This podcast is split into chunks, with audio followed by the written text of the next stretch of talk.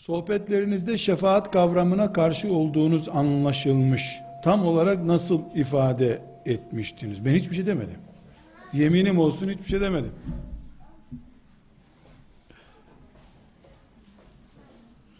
Şefaate muhtaç biri şefaatle ilgili ileri geri konuşur mu hiç? Allah muhafaza buyursun. Ben öyle bir şey demedim. Demem. Şefaat sektörünün sahtekarlık olduğunu söyledim. Ve kullandığım ifade şu, senin şeyhin cübbesini açacakmış, cübbesinin kuşattığı kadar insan cennete girecekmiş, halt etmiş şeyhin dedim. Kendi cennete girdi de, cübbesini de buradan mı götürecek üstelik? Ulan cennette cübbe giymek var mı ya?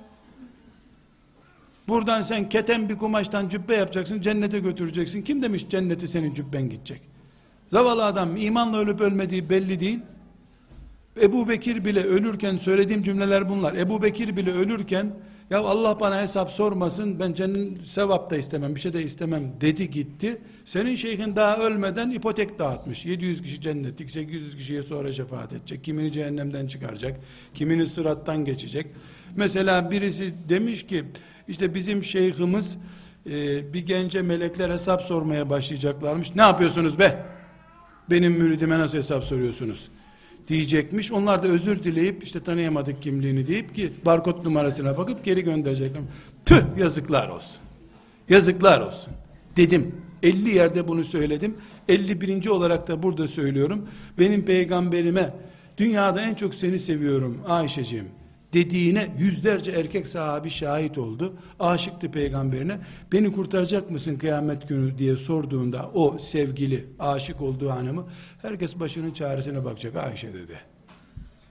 Özel yatırım yok. Şimdi mübarek peygamberden güçlü isimler çıkmış. Tükürürüm böyle şefaatin içine. Bırak reddetmeyi. Ama Resulullah sallallahu aleyhi ve sellemin ümmetine büyük şefaati vardır. Bu da cemaat büyüklerini, dernek başkanlarını, şeyhlerini Resulullah'tan büyük görenler için değildir. Resulullah deyince tüyleri diken diken olanlar içindir. Becerip edemedim bu sünneti yapamadım ama sana canım feda olsun ya Resulallah'ı kutlu doğumdan sonra da söyleyenler içindir. Kocasına sakal bırakma izni veren kadınlar için değildir bu.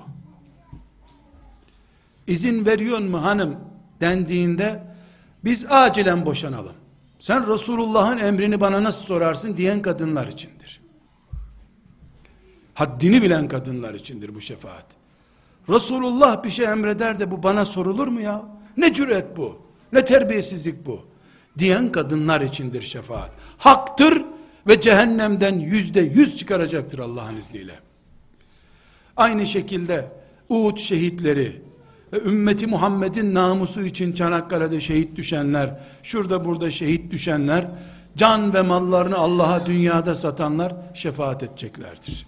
Hafızlar şefaat edeceklerdir. Hak edenlerine. Kur'an böyle diyor.